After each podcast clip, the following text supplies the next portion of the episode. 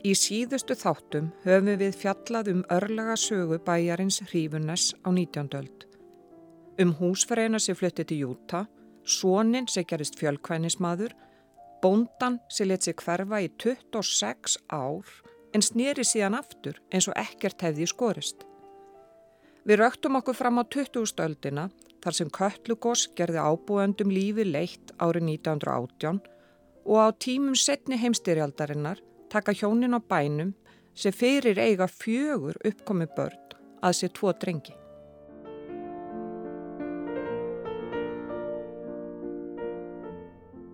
Töttu árum síðar er komið að elsta sinni hjónana að taka við búinu. En hver erfir hann? Framundan eru yllvíga deilur þar sem ymsum brauðum er beitt til að ná yfiráðum í hrífunissi. Ég heiti Guðrún Haldunandóttir. Þetta er fjörði þátturinn af fimm í þáttaröðinni Hrífunes.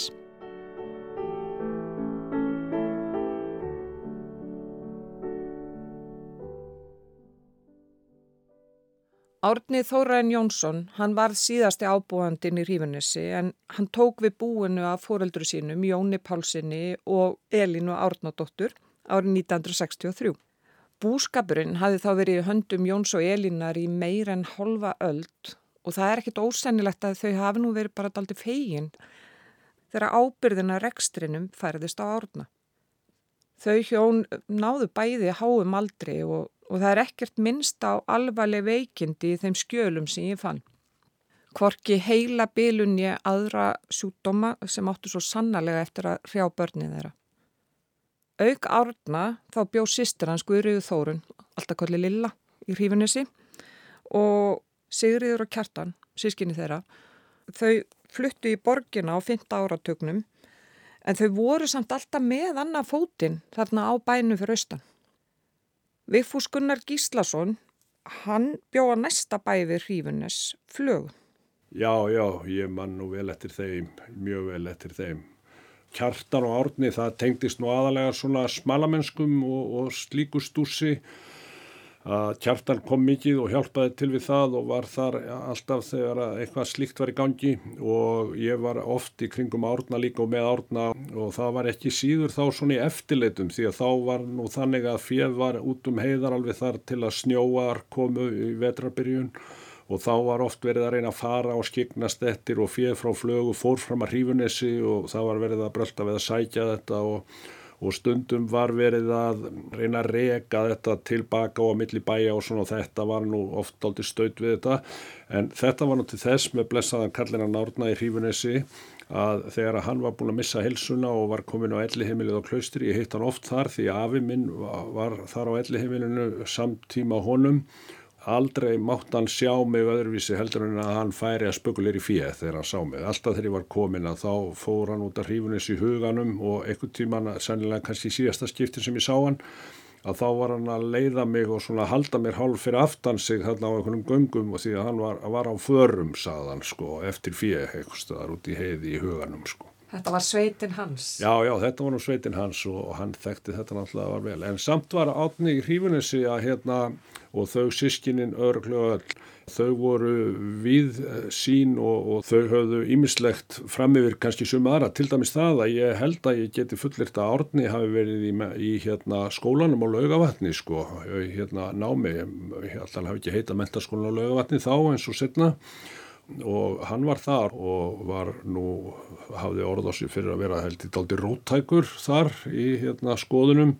Það kostiði nú held í einhverja árakstra kannski einhver tíman mann það nú ekki alveg nákvæmlega. Og svo var náttúrulega kjartan og svo sigga og ljósmöður og hérna þannig að þetta var öflugt fólk og sem að viða fór.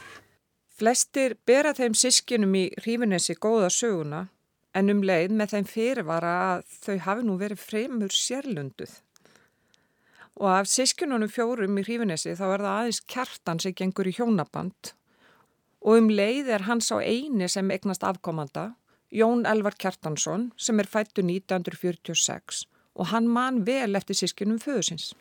Sigga stjórnaði öllu. Hann má eftir að láta þessar helvítis kettlingar hafa af sér allt búið.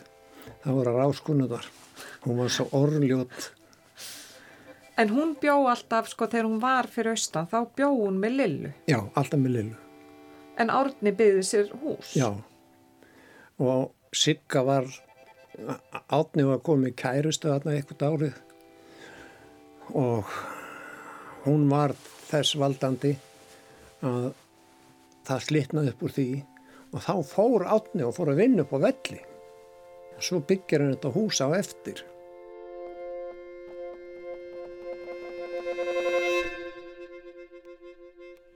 Kjartan var farin til örgustarfa í stríðinu í sannlega 42-3 Gunnar Jónsson lögmaður kom líka fyrir í síðasta þætti en hann var í sveit í hrífunessi fjögur sumur og er frendi sískinana.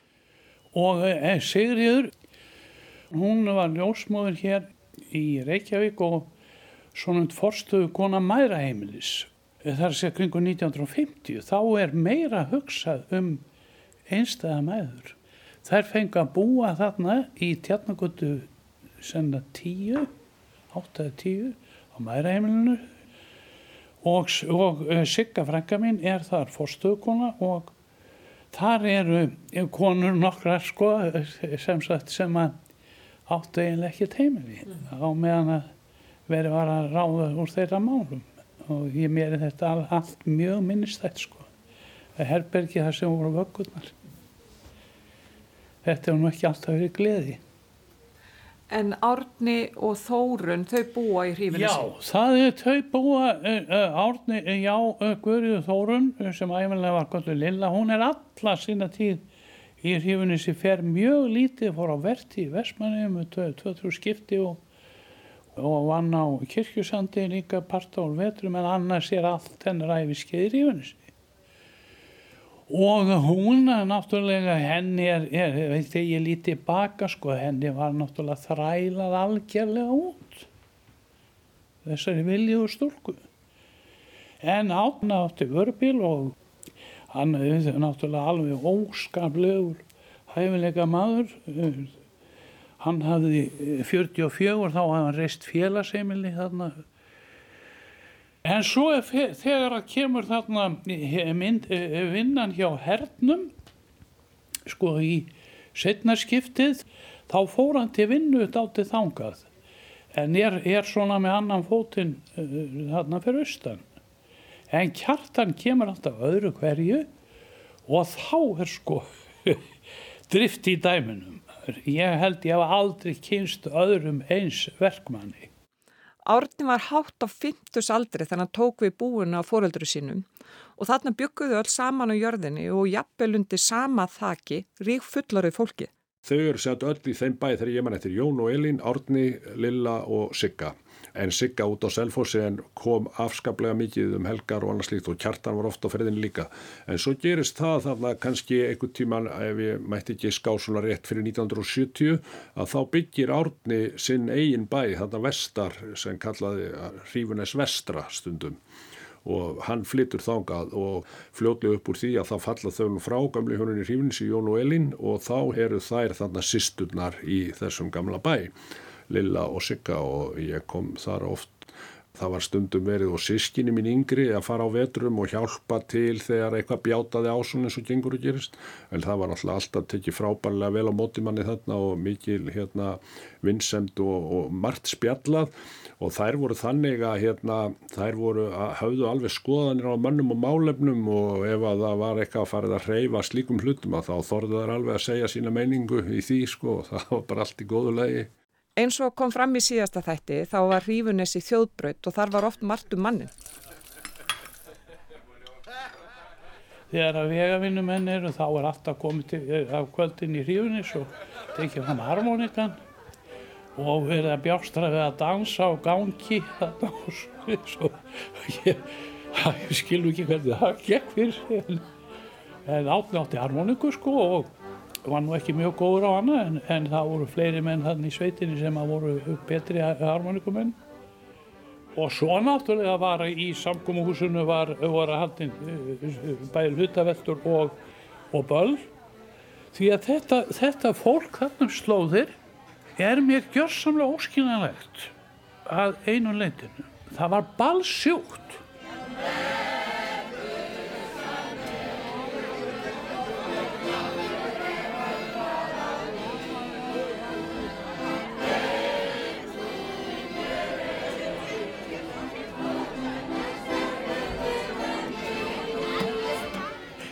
Sko, ef, núna, nú skulum við hugsa okkur að þú væri frá uh, flögu eða hlýð og hittir hérna stúlku frá uh, ásum þá, þá, þá get ég alveg sagt þér hvað var heyrðu, verður ball út í vík um næstu helgi? Hvernig eru kaupakonu-ballið en töðukjaldaballið er það ekki, er það ekki alveg að koma? Er ball á klustri já? Nú, já, er ball á klustri já, já, já, ég við á það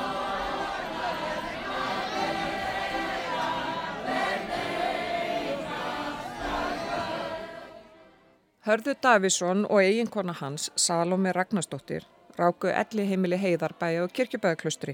En Hörður var líka lörglu þjóttn á klustru um tíma og sendi ímsum öðrum verkefnum. Hann þekkti átna vel og þau sískinni í hrífunissi. Hann var índislega persóna. Vildi hafa allt á hreinu og, og, og alla tíð og bara fram á því síðasta, alveg índislega persóna. Og þú hefur sannlega þekkt hann alla þína æfi eða búin að þekkja hann síðan að þú ert bann? Já, já, já, já. Maður fór á ball í hrífunis í gamla daga og, og hitti þá alltaf varna og hann hefði ekki heima að sækja. Og þar var ótt glatt á hjalla, sangkvæmisleikir og, og gaman. Vigfús og Flögu fór sjálfur oft á skemmtanir í samkumuhúsinu sem Árni reisti. Þarna stigum menn sín fyrstu dansspor og svo framvegis, svo framvegis, þorrablót og ymsar uppákomur erfidrykkjur náttúrulega. Og þetta litla hús sem mann fann stórt þá og það var náttúrulega þvílikt pakkað og það var ekki hægt að snúa sér við þannig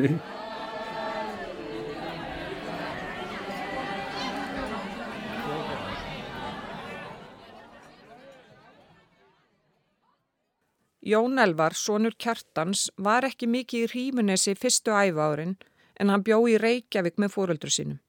Þau skildu þegar hann var fimm ára og það var alls ekki góðu. Hann rak hana út á aðfangadag, aðfangadagskvöld og hún fer hérna ásakarna um framhjáhaldi eitthvað svo leis að því þá hún tók leigubíl með hún að sigtúni frá sýstu sinni og þá hefur einhver, einhver hérna verið að djóka í kallinu. Og hún fer þangað. Svo kemur það þangað daginn eftir. Og við tala við hann og hún talar við hann og hann baða hann að fyrirgefningar og allt svolítið og hún sagði það kem ekki til mála því að hún var alveg sama mellan og, og hann hafi sagt í gær og ég er alveg sama manneskjan í gær Þannig það var aldrei neitt úr því. Hann tók alla menn með varút eða þannig að þeir væru, væru kannski að plata eða eitthvað svolítið. Mamma saði með það að hann hafi leikt eitt herbyggið fyrir þá sem voru að spila peningaspill sem var bannað. Og, og hann lögruglumæður. Já á leiðan eitt herbyggið þarna í íbúðinni Snorabröð 35 Jón Elvar var töluvert í Rímunesi eftir fermingu og hann rak síðan söluskálan við þjóðveginn þegar hann var komin á fullaninsár. Hann kynntist föðusískinu sínum vel og þeim Garðari og Ævari, fóstusónum Jóns og Elínar.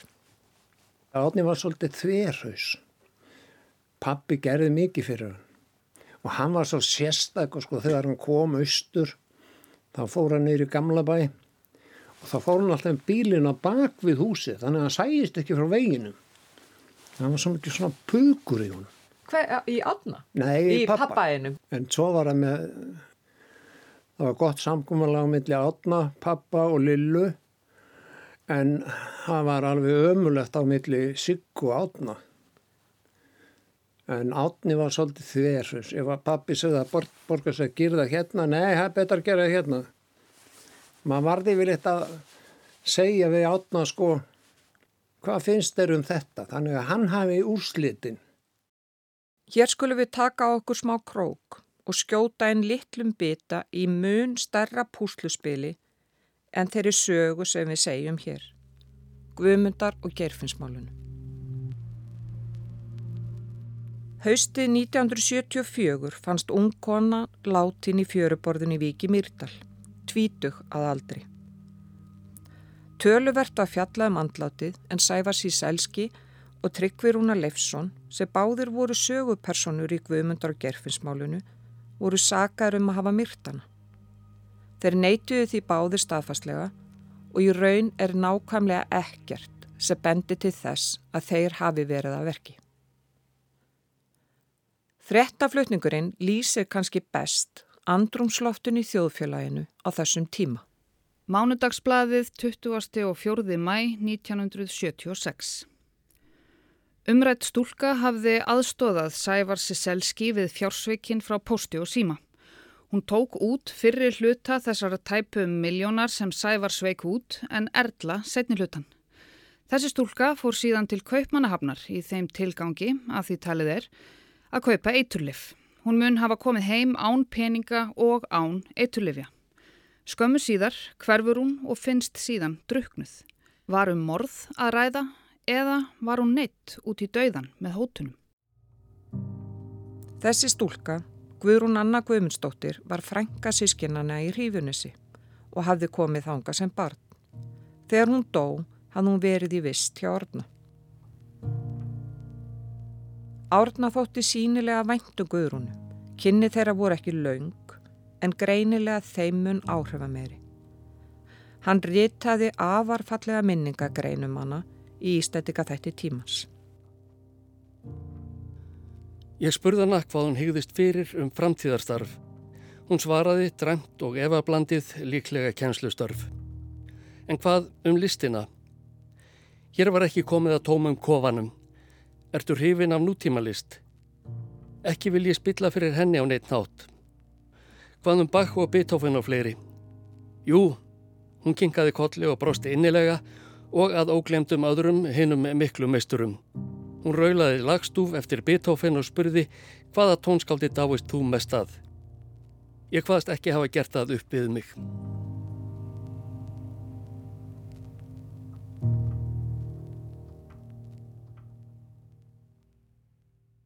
Aftur að söguna hrífunis og sískinunum. Árni var eitt skráðu fyrir jörðinni og hvergi minnst á hinn sískinni, þrátt fyrir að þau hefðu svo sannarlega lagt sitt af mörgum til búsins. Kjartan, bróður hans, kom í viðtal til steinunar Harðardóttur á Rás 1 árið 1990 og rifjaði upp eigandaskiptin millir fóreldra þeirra og árna. Fæður okkar þegar hann var, það er ekki verið að færa hann að standi í þessu, þá uh, afhendur hann honum búið sem að það er ekkit annað en bara annað afhendur hann búið og það er semst að uh, uh, þannig uh, lagað að hann sé, hann kaupi búið af honum en hann bara afhendur hann búið og við eigum okkar hlut í búinu þó hann sé búin að afhenda honum búið og setja á hans nafn þá eigum við okkar hlut í búinu og hann hefur setið í því þannig. En hafið þið það einhver stað skjálfest? Nei, við höfum þetta ekki skjálfest en við höfum það skjálfest samt að við höfum aldrei fengið neitt út úr þessu búi. Það hefur aldrei...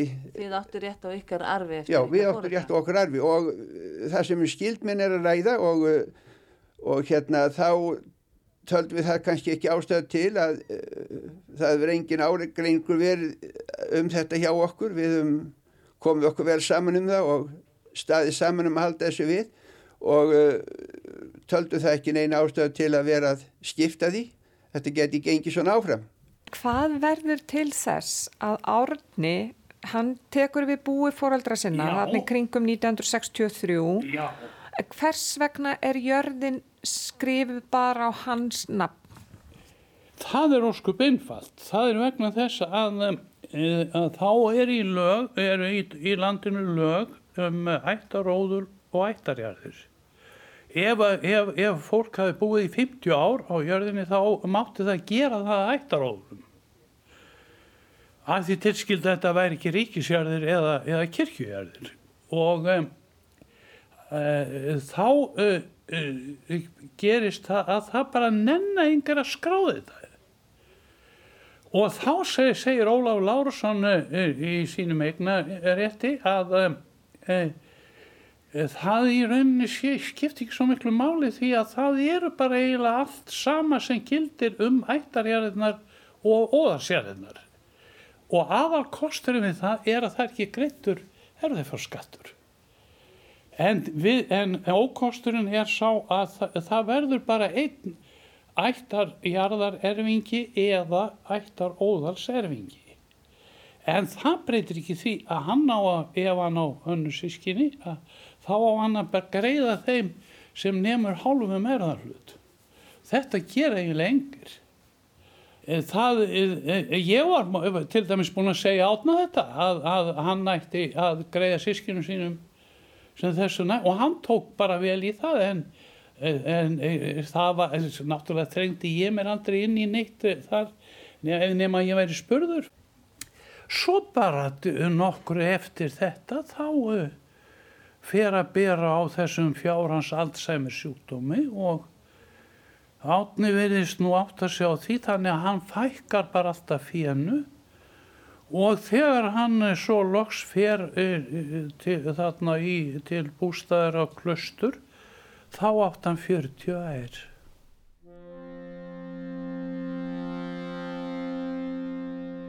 Nú færist við nær hrífunesmálinu svo kallega. Það hófst árið 1986 þegar í ljós kom að árni var með heilabiln. Sjúkdóm sem Guðriðu Þórun sýstir hans tókst líka á við og jafnvel Sigriður og Kjartan. Samt er það alls ekki örugt. Að minnstakosti er fólk sem ég rætt við undafatna mánuði í tengslu við gerð þessara þátta alls ekkit sammála um hvaða var í reynd sem að amaða kjartani, hvort það var heilabilun eða afleiðinga alvarlegum höfu áverka sem hann hlaut í starfi sínu sem lauruglumadur hér á árum áður. Hafði hann ekki fengið slæmt höfuðhögg áður? Já, mörg á síðan. Hér heyrðu við í öðrum fóstursonana, Garðari, sem við kynntust fyrst í síðasta þetti. Hann hefur sjálfur þurft að glíma við eins konar höfuáverka og einkennandi röttans hún skýrist af áverkum og rattböndum og í gómi eftir uppskurði krabbamenni fyrir nokkrum árum.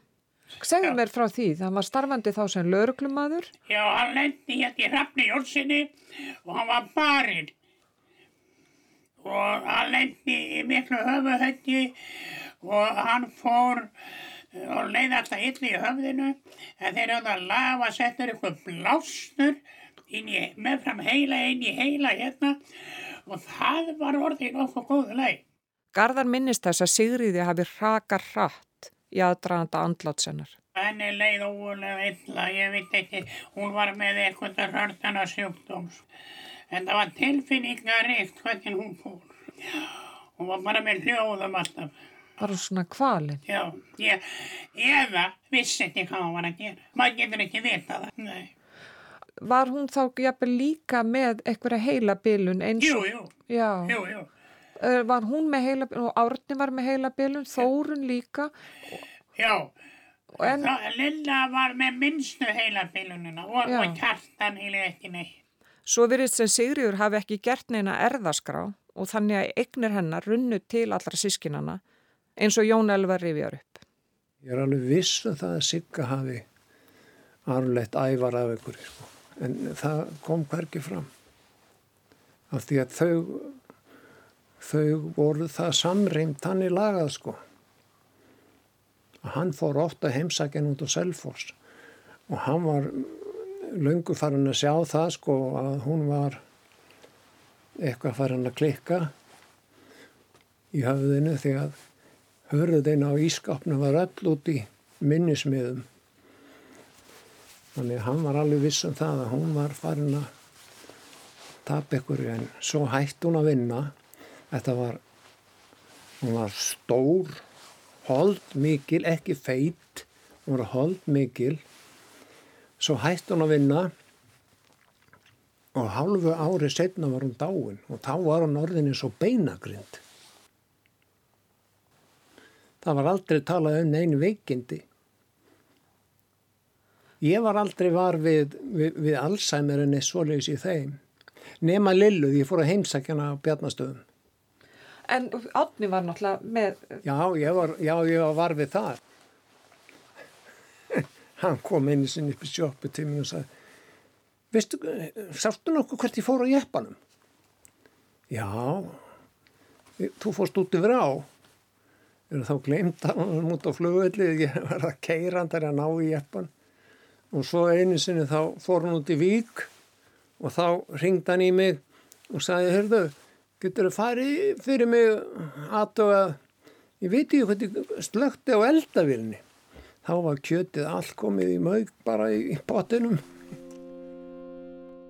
Það eru ímsar sögur til af árna síðust árin sem hann bjó í hrífunessi og greinilegt að heilsu hans var farið að raka. Þó er ekkert allir sammal um hvað var til þess að átni fór á heiðabæ, elli heimilið á klustri og ég hef heyrt ímsar því. Heyrum hvað kjartan saðum það árið 1990. Hann er nú búin að vera sjúklingur um ára mörg, mörg ár og það veitum við, um náttúrulega veitum við að þetta verið allt verið á nýðri en það var uh, 86 að þá kemur komadjósemdi frá skafstjóra Söðurlands hérdamis um það að framtali hans var ekki eins og þeir vildi hafa það og vildi fá skýringar á því að, svo ég snýri mig til Jóns á, sem er skólastjóra á klustri og, og hafi gert skattastíslunum fyrir hann. Þá segir Jón mér það að það sé, komi sér ekkert óvart því hann sé algjörlega ófæri um að ráða sínum málum og hann verða að fá aðstóð þá snýmið þetta síslumans og hann ræður en það hvort að ég við höfum ekki lögfræðing og ég sé hún svo vera, það er Gunnar Jónsson sem hefur okkar lögfræðingur og hjálpa okkur með allt sem við höfum þurft á að halda á því sviði. Mjög góður maður. Og um, síðan verður það að samkominlega ég síslumæður ræðir við Gunnar og þeir taka þar ákvarðin að Gunnar sjá um að halda búinu við og ég verði honum til aðstóðar Hann gæti ekki séð um sig sjálfur. Þess að koma til okkar. Hörður Davísson sem við herðum í fyrir þættinum, hann mann vel eftir veru árna í heðabæ. Hann er hjá ykkur alveg það bara þar, þar til hann deyr. Já, hann er hjá okkur nokkur ár. Hann deyr hjá okkur. Var þetta ekki erfitt, mannstu eftir því, var þetta ekki erfitt fyrir hann að fara frá hrífinus eða sem hann hefði verið alla sína tíð? Jú, það var rosalega þungspor fyrir hann og hann var vel áttaður sko, lengi vel hjá okkur sko, þá til hann alltaf dróður því líka. Þegar Árni fór á ellihemilið lagðist formlegu búskapur niður í hrífunessi. Þar fáu skeppnur sem enn voru á bænum voru í umsjón nágranna og einsáðu þeir um að hyrða, tún og fleira. Á þessum tíma bjóð Þórun enn í hrífunessi en var heilsulítil. Fyrstu sinn gekk allt sinn vanagang eins og Gunnar Jónsson lögmaður og frendi sískinuna rifjar upp. Sískinin sjá um að það ekki allar greiðstur og svo þessu og þá kjartan var náttúrulega öllu fyrir svari kjartan lagði alla sína tíði mikið til búsins bara af sem sagt ættirækni og kærleika til sína sískina og því að hann er eini sem ákomanda. Og það er Jón Elvar Kjartansson. Og um, svo uh, uh, sko gengur þetta nú bara uh, ágætlega að þér virði svona að, að, að jörðin er sem sagt ekki í nótkunn en þá uh, fara að grafa um sig blóðsugur í, í kring sem að vilja uh, fá jörðina og þá, þá var alltaf verið að tala um mig og ég segi ég hef ekkert með það að gera kjartan og Lilla, eh, þá var Sigriður látin, þau, þau eru eigendur þessar hérðar og hafa með það að gera. En svo gengur þetta allt fyrir, svona ljómandi vel og þánga til að eitt góða meðdaga þá kemur uh, til mín óforvarandis inn á stofu til mín á Greitskutunni Kjartan og er greinlega mikið fyrir og rétti mér svona blad. Og á því stendur umbóð. Kirkjubæjarklaustri 12. februar 1988. Ég undirritaður Árni Þórarinn Jónsson, kennitala 12 12 16 66 39, Hrífunesi, Skaftartungurreppi, sem nú er vistmaður á heimili aldraðra, heiðarbæ, kirkjubæjarklaustri, til nöðsynlegt vegna aðstæðina minna að fá umbóðsmenn til að sinna málum mínum. Því veit ég hér með frændum mínum, þeim Þórarni Sigurjónssoni, fyrverandi alþingismanni, lögdælum og Sigurði Ævari Harðarsinni, trésmið, kirkjuvegi, fjögur, vík, fullt og ótakmarkað umbóð til að sjá um allar egnir mínar. Þetta tekur fyrst og fremst til jarðarinnar Rífunnes í Skaftartungu, umbóðinar til jarðarinnar allrar, þar með talið hús, land, útægi og hlunnindi, þar með fullverðis réttur. Það snertir hvers konar ráðstafanir svo sem sölu, leigu, byggingu jarðarinnar eða veðsetningar. Þetta umboð handsalar hörðu Davísson fyrir hönd árna og tveir votta rita undir. Og þarna, í februar 1988, má segja að hrífunis máli hefjist að fullum þunga. Sprengjunni hefur í varpa og allt fer í bál og brand.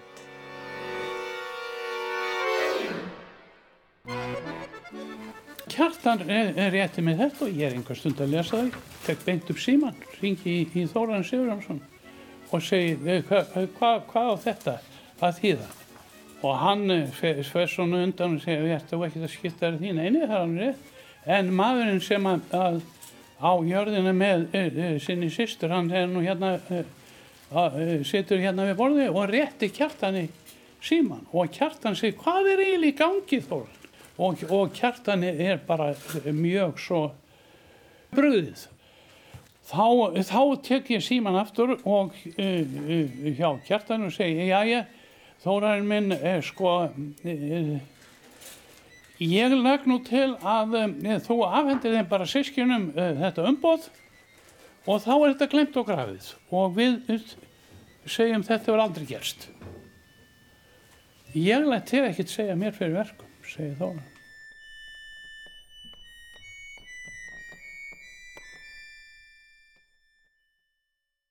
Gunnar segist ekki vita hvers vegna umbóðið er gefið út á þessum tímapunkti en hann gruni ímislegt.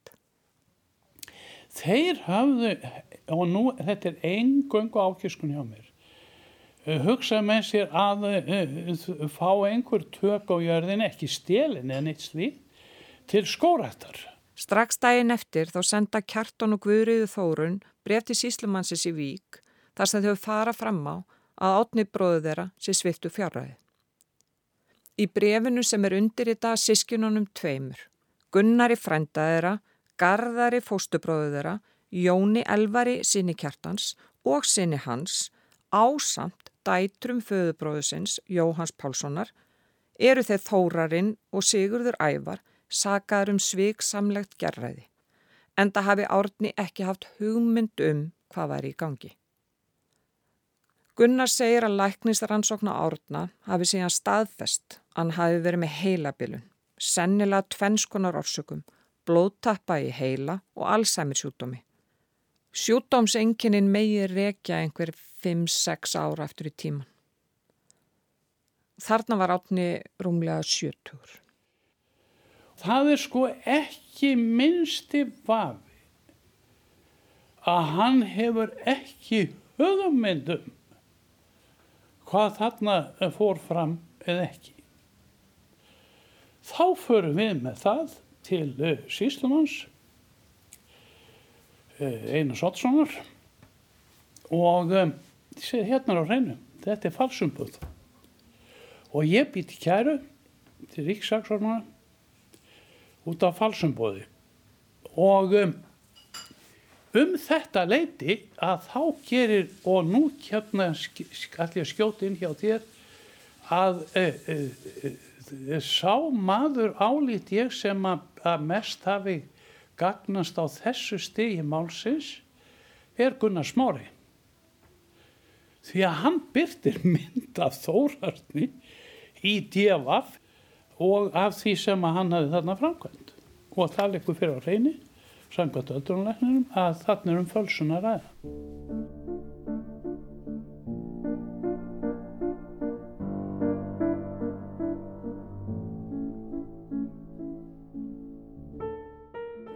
Laugadaginn 27. februar 1988 byrti Devaf fyrstu frettinnar um málið. Ættingjar manns með heilarýrnun kæra til rannsóknar lauruglunar. Telja að bújörð hafi verið véluð af honum.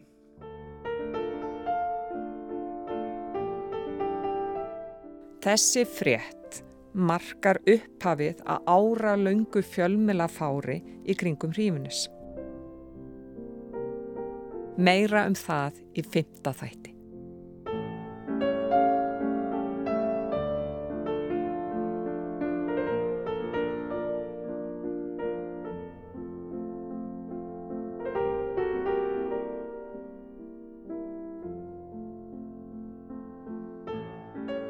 Þáttarauðin Hrífunes er framleitt af Rás 1. Umsjón og dasgrágerð Guðrún Holdanadóttir, réttstjórn og samsetning Anna Marsipir Klásen, tæknimaður Lítiða Gretastóttir.